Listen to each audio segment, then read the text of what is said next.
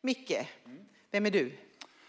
Um, jag vet inte vad hon gör. Det är din mamma. Alltså, ingen aning. Du satte det rätt ju. Ja. Uh, Micke Svensson, jag är en del av den här kyrkans uh, uh, ledning eh, genom att jag sitter i styrelsen. Skippa den första biten. Jag tog den där. Ja. Mm. Ska jag säga mer? Ska jag berätta mer? Jag är gift med Anna-Karin. Hon, alltså hon, sitter, hon tycker inte om detta. Hon får sitta på första raden nu för att jag ska predika. Hon sitter annars där Josef sitter ungefär, eller ja, där bak där Fredrik sitter. Där brukar, men nu plågas hon här framme. Ja? Jag tänkte vi ska be för dig bara. Ja, tack. Ja. Så Fader, vi tackar dig för mycket. Tack för vad du har lagt på hans hjärta idag. Tack för att eh, vi får liksom inta hållningen av, av att vara mottagliga för, för det du säger genom honom, Herre. Så öppna våra hjärtan och använd Micke på absolut bästa sätt. Välsigna honom. I Jesu namn. Amen. Amen. Tack så mycket. Ja, eh, ja, jag fick ju presentationen där, intervjuad av mig där, eh, vem jag är då. Eh, detta är andra sommaren som jag får förmånen att predika, sommarpredika.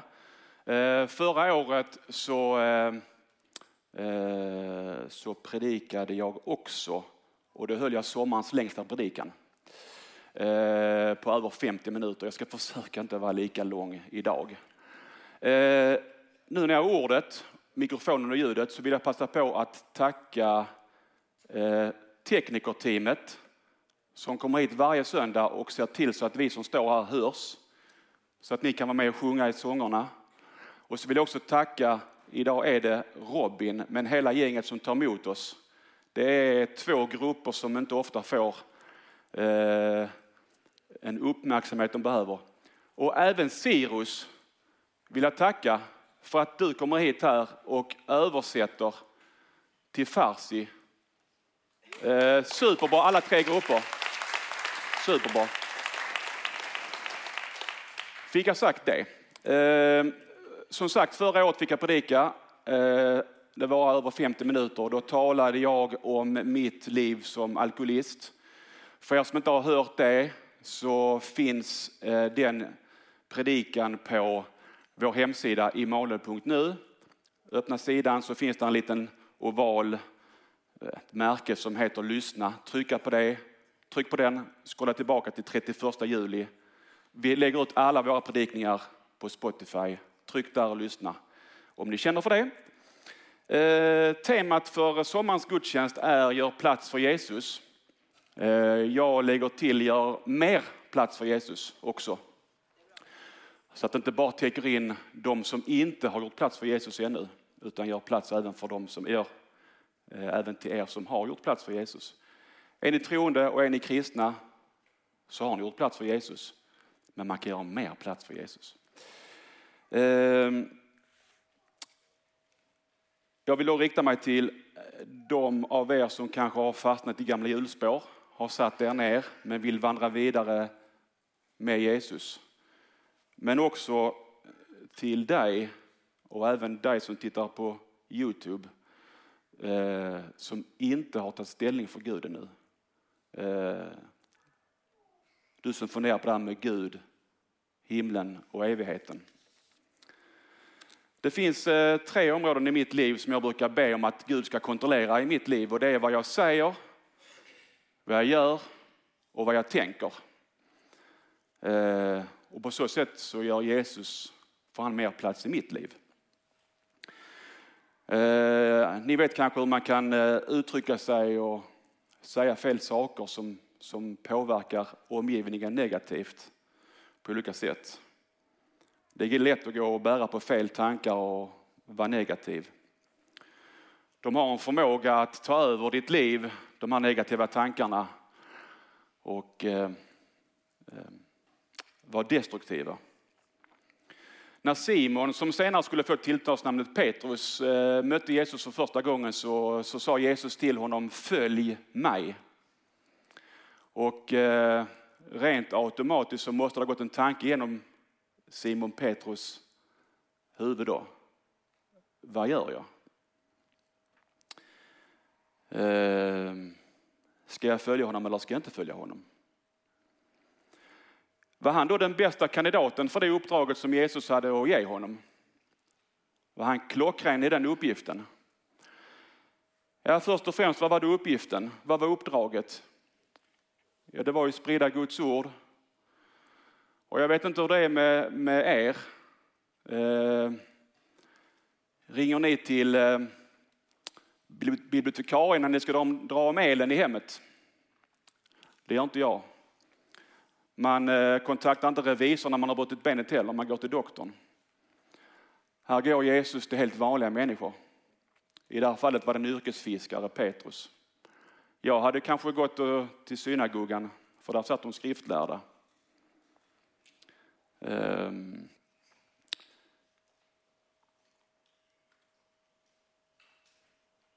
Varför väljer han då Petrus? Jo, han såg potentialen i honom. Han såg det som ingen annan såg. Och samma sak så är det för dig.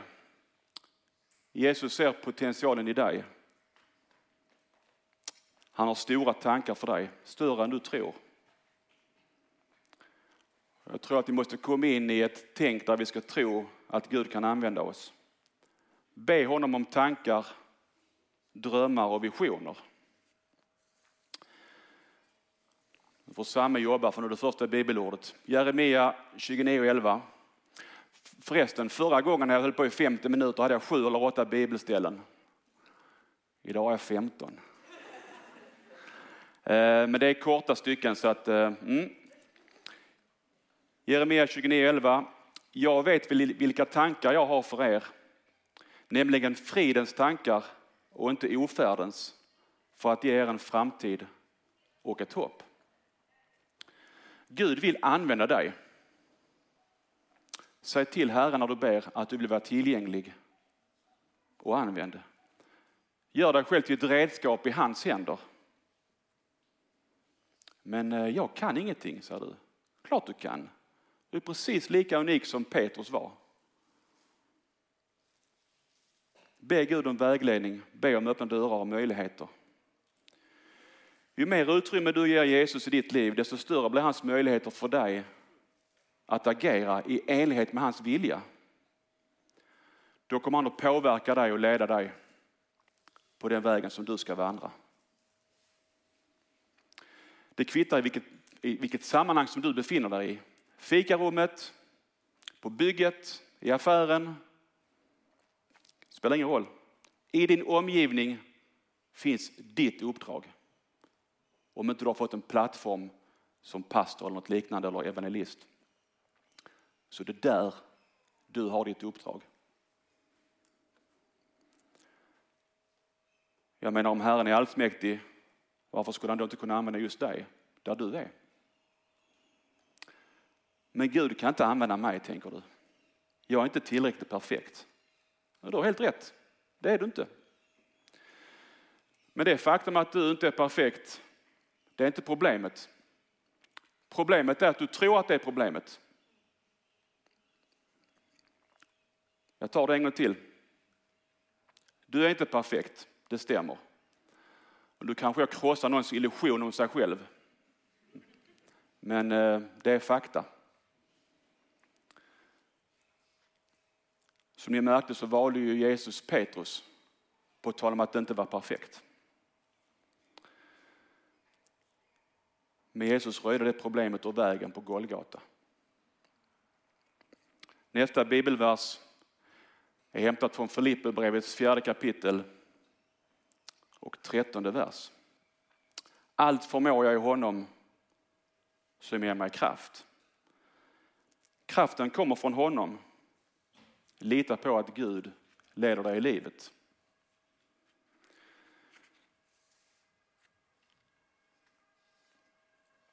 Ehm, jag predikar eh, inte bara till er som sitter här eller er som tittar på Youtube. Jag gör det även till mig själv. För det är mycket av det som jag har tecknat ner här som reflekterar över mitt liv också som jag behöver ta till mig. Som jag behöver tänka på. För vi är alla på en vandring med Jesus. Åtminstone vi som har valt att säga ja till honom. Och som har sagt att han är Guds son. Du kanske har vandrat med Gud men så har någonting hänt som har gjort att du har satt dig ner. Och du har suttit ner ett bra tag nu. Inte vandrat på ett tag. Vet ni vad, jag tror det är dags att börja vandra igen. Jag tror det är dags att resa sig upp och börja gå med Gud igen. För det finns människor längs din livsväg som behöver höra om Jesus. Vi ska bygga en ny kyrka och det har varit kul om jag kunnat åtminstone fördubbla det antal människor vi är här inne.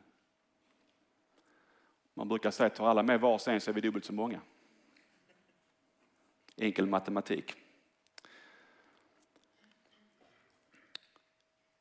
Mitt mål i mitt liv är att Gud ska vara den som leder mig. Men hur blir man då ledd av Gud? Hur vet man att man, att man har fått ett tilltal? Ja, jag brukar göra tre stycken kontrollpunkter på det över mitt liv. Jag tittar i Bibeln eftersom jag tror att det är Guds ord. Stämmer det överens med Guds ord, det jag får höra ifrån Gud? Ja, check. Nummer två så tror jag inte att man ska forcera fram någonting. Man ska låta Herren gå före och bana vägen och visa vilken väg man ska gå. Ett exempel på det ser vi i nästa bibelvers som är Johannesbrevets tionde kapitel och fjärde vers. När han har släppt ut sina får går han före dem och fåren följer honom för de känner igen hans röst. En liknelse över att, att Herren går före och så följer man efter. För det tredje så brukar jag kolla så att eh, det jag får till mig är, är vettigt och förnuftigt. Jag tror inte att Gud kallar dig till tjänst i ett främmande land när du har ett ammande barn hemma som du ska lämna. Alltså helt absurda saker tror jag inte han kallar oss till. Och visst kan vi, men visst kan vi få kallelser och uppdrag som vi inte förstår. Men det är en helt annan sak. Gud har gett oss ett sunt förnuft. Låt oss använda det.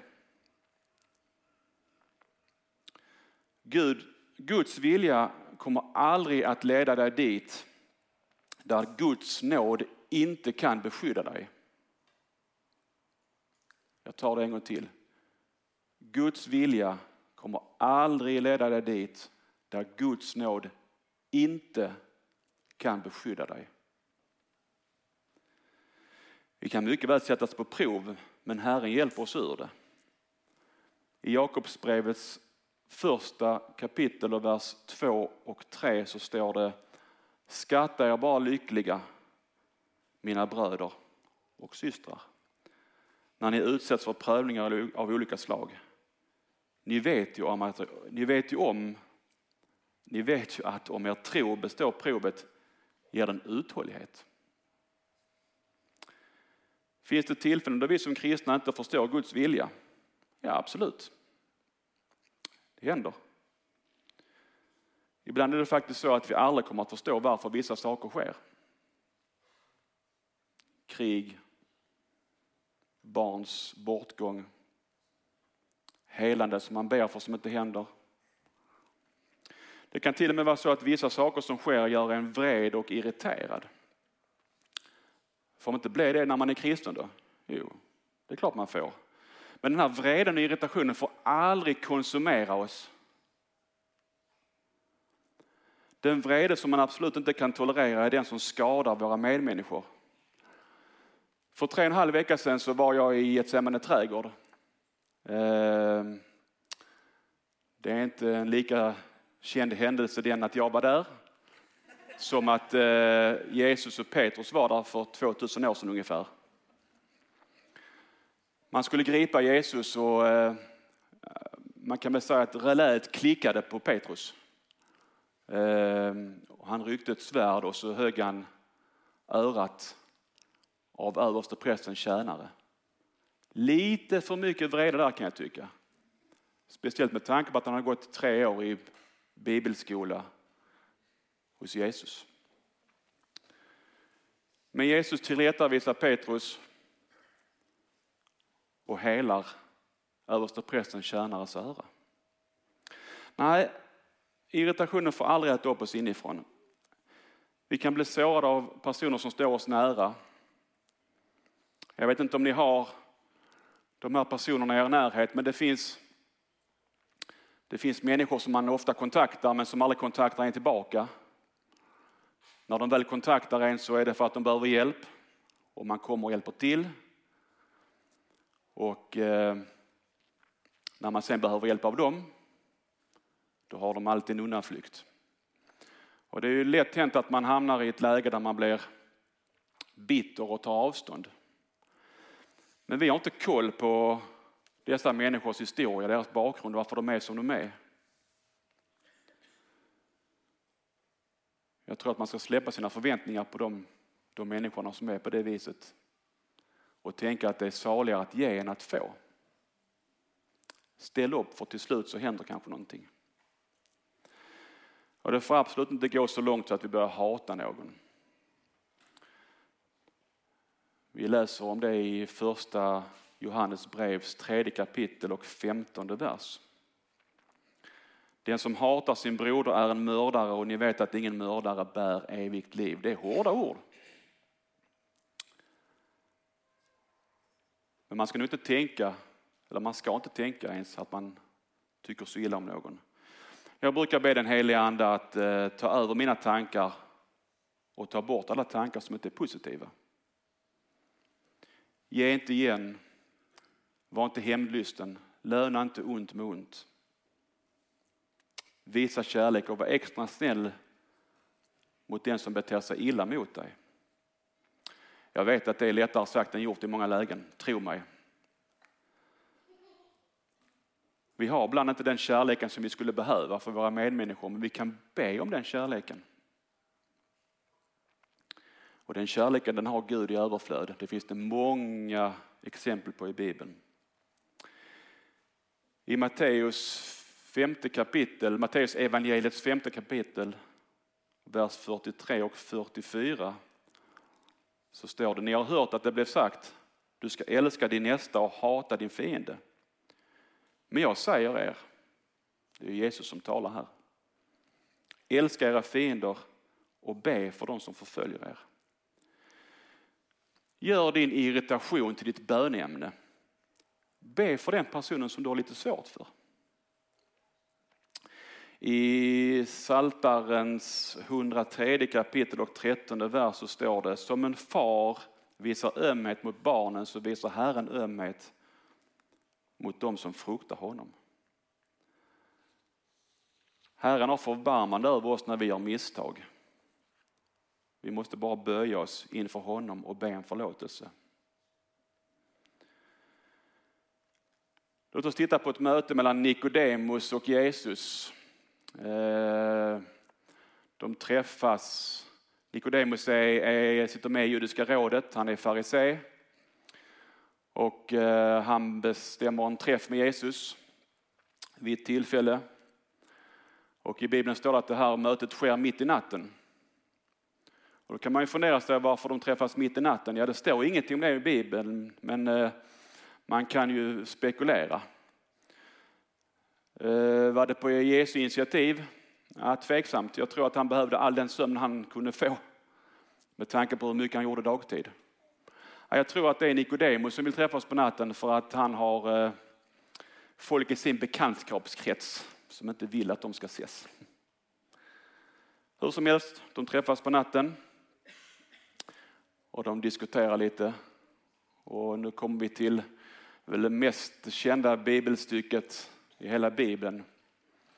Jag vet förr när man tittar på fotbolls-VM och i OS så var det alltid någon som satt bakom målet med en gul skylt med svart text. John 3.16, alltid. Och vi ska läsa därifrån nu. Eh, vi läser eh, 16, 17 och första delen av 18 versen. Så älskade Gud världen att han gav den sin enda son för att de som tror på honom inte skall gå under utan ha evigt liv. Ty Gud sände inte sin son till världen för att döma världen utan för att världen skulle räddas genom honom. Den som tror på honom blir inte dömd, men den som inte tror är redan dömd. Det är alltså av kärlek till oss som Gud sände sin son hit till oss. I andra Korintierbrevets eh, femte kapitel och 21 vers så står det Han som inte visste vad synd var, honom gjorde Gud till ett med synden för vår skull. För att vi genom honom skulle bli till ett med Guds rättfärdighet. Jesus var 100% syndfri. Han hade aldrig begått en endaste synd. Helt oskyldig så la Gud all skuld på honom. Alla brott, alla elakheter, alla handlingar som är negativa la han på honom. Varför? Vilken far gör så mot sin son? Hade du gjort så mot ditt barn?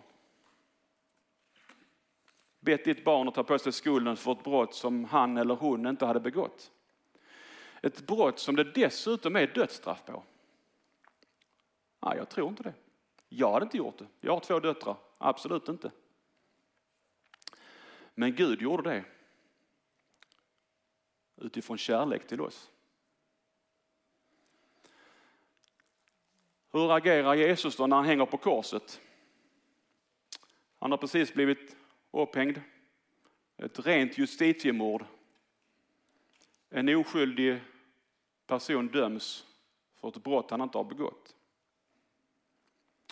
Vad säger då Jesus när de spottar på honom, hånar honom och låter han plågas där på korset? Lukas evangeliets 23 kapitel 34 vers, första stycket bara. Fader förlåt dem, de vet inte vad de gör. I det läget så vill han bara förlåta. Det är ren kärlek. Den dagen som du accepterar Jesus som Guds son och som den personen som har tagit all din synd på sig. Det är den dagen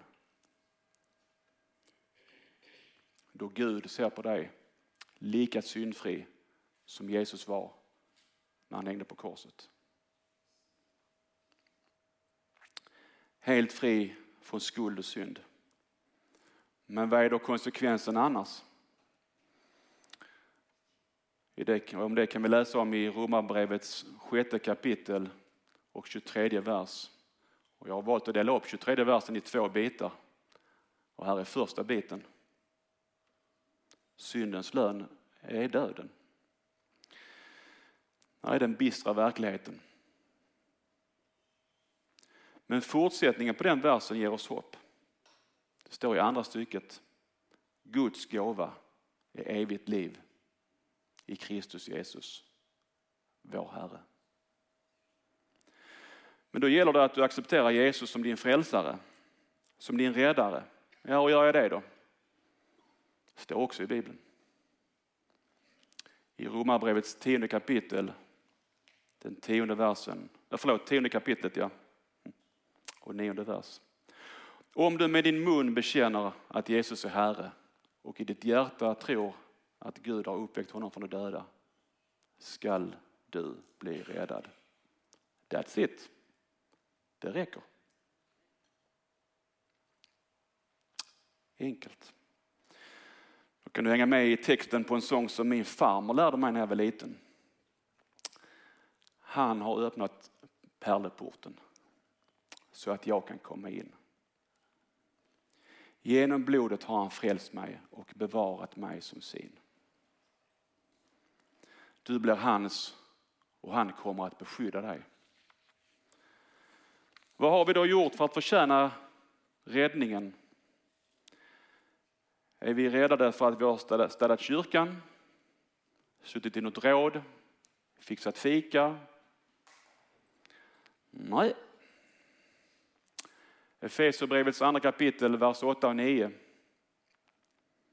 Av nåd är ni frälsta genom tron, inte av er själva. Guds gåva är det. Det beror inte på gärningar. Ingen ska kunna berömma sig. Det är alltså en gåva för att du tror, inte något annat. Det finns inga guldstjärnor som Gud har som han liksom klistrar in i en bok. Du kan ha varit hur god och snäll som helst men det är inte det som gör att du blir räddad. Missförstå mig nu inte, det är helt okej okay att vara god och snäll, det är inte fel. Men det ger dig inte tillträde till himmelriket. Det räcker att tro. Frälsningen, det är inte en belöning för de rättfärdiga, utan en gåva för oss skyldiga. Frälsningen är inte en belöning för de rättfärdiga. Det är en gåva för oss skyldiga. I eh, Johannes evangeliets elfte kapitel så eh, kan vi läsa om att Lazarus eh, precis har dött. Och Jesus talar med hans syster Marta. Och eh, det här samtalet kan vi läsa om i eh, vers 25 till och med 28. Då säger Jesus så här till Marta. Jag är uppståndelsen och livet. Den som tror på mig ska leva om han än dör. Och den som lever och tror på mig ska aldrig någonsin dö. Och så säger han till Marta, tror du detta? Och hon svarar, ja Herre. Jag tror att du är Messias. Guds son, han som skulle komma hit till världen. Sen gick hon hem och kallade på sin syster Maria sprider budskapet och viskar Mästaren är här och kallar på dig. Och samma sak gör Mästaren Jesus idag till dig. Han kallar på dig och ställer samma fråga till dig som han ställde till Marta. Tror du detta? Men vad blir ditt svar? Tror du att Jesus är Guds son som har kommit för att du ska leva även om du dör? Eller tror du inte på honom? Jag kan förstå att det är svårt att tro på någonting som inte man kan se. Jag ska försöka att förklara det. Eh, om du och jag träffas för första gången så har jag ingen aning om du har ett förstånd, om du är förnuftig.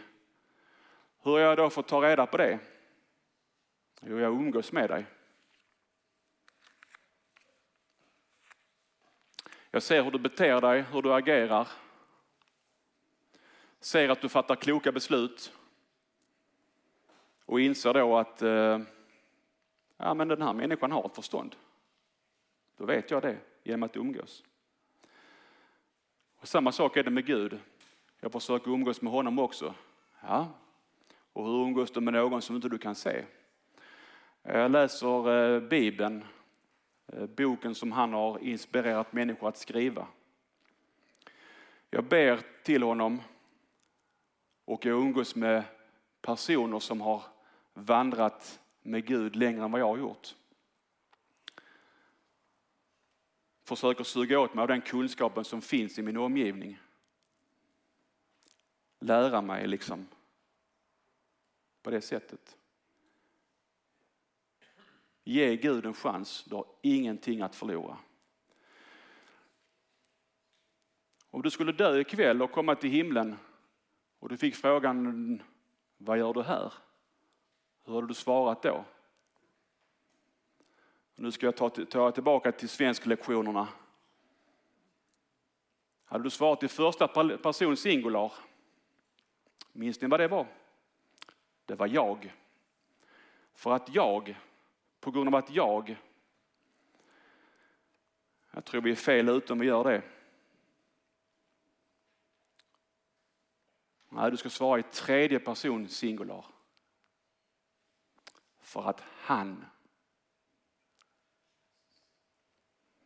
tack vare honom.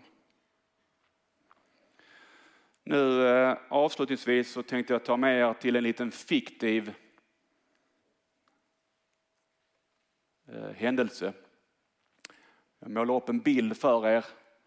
Jag tänker på rövaren på korset. Ni vet det var tre stycken som korsfästes samtidigt. Jesus i mitten och så två förbrytare på varsin sida. om honom. Och det jag menar är ju han som, som bad Jesus att tänka på honom när han kom med sitt rike. Och försöker föreställa nu att han har kommit till det här riket då, himmelriket. Och han står lite på avstånd och så är det ett gäng änglar, två, tre stycken som står och, står och liksom tittar bort mot den här förbrytaren och um, tisslar och tasslar och pekar och så här.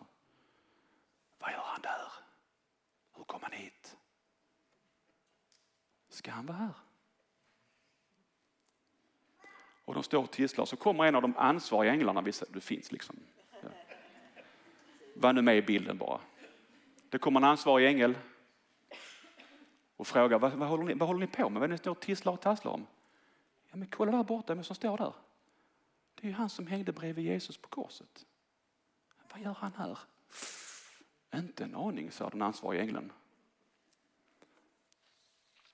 Så de eh, går bort och närmar sig då den här förbrytaren.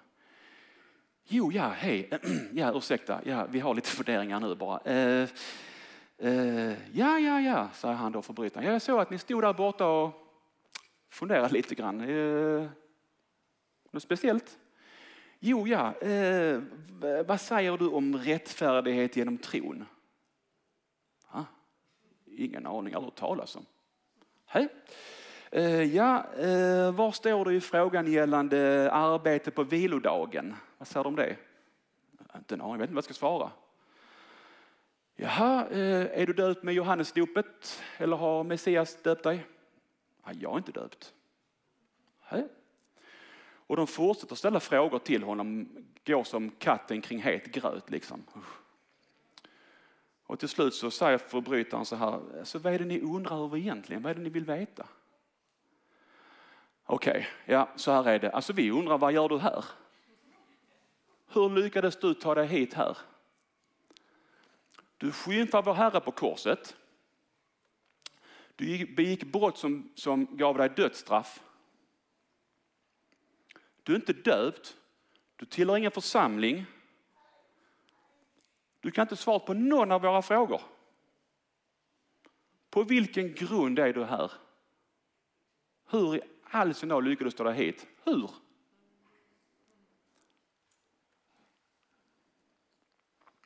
Svarar han då i första person? Eller i tredje person?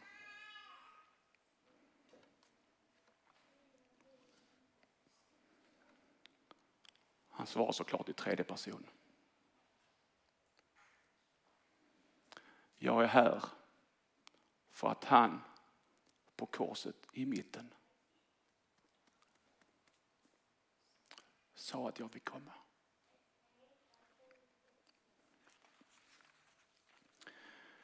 Det är det enda svaret som du behöver ge när du får frågan. Det handlar inte om vad du har gjort. Det handlar om vad han har gjort för dig. Inget annat. När Jesus säger följ mig till Simon Petrus så lämnar han allt och följer. När Marta säger till Maria att Jesus kallar på henne så reser hon sig upp och går ut och möter honom. Har du inte rest dig upp och börjat följa Jesus? Eller har du inte ännu accepterat Jesus som räddaren i ditt liv? Så är det dags nu. Låt oss be.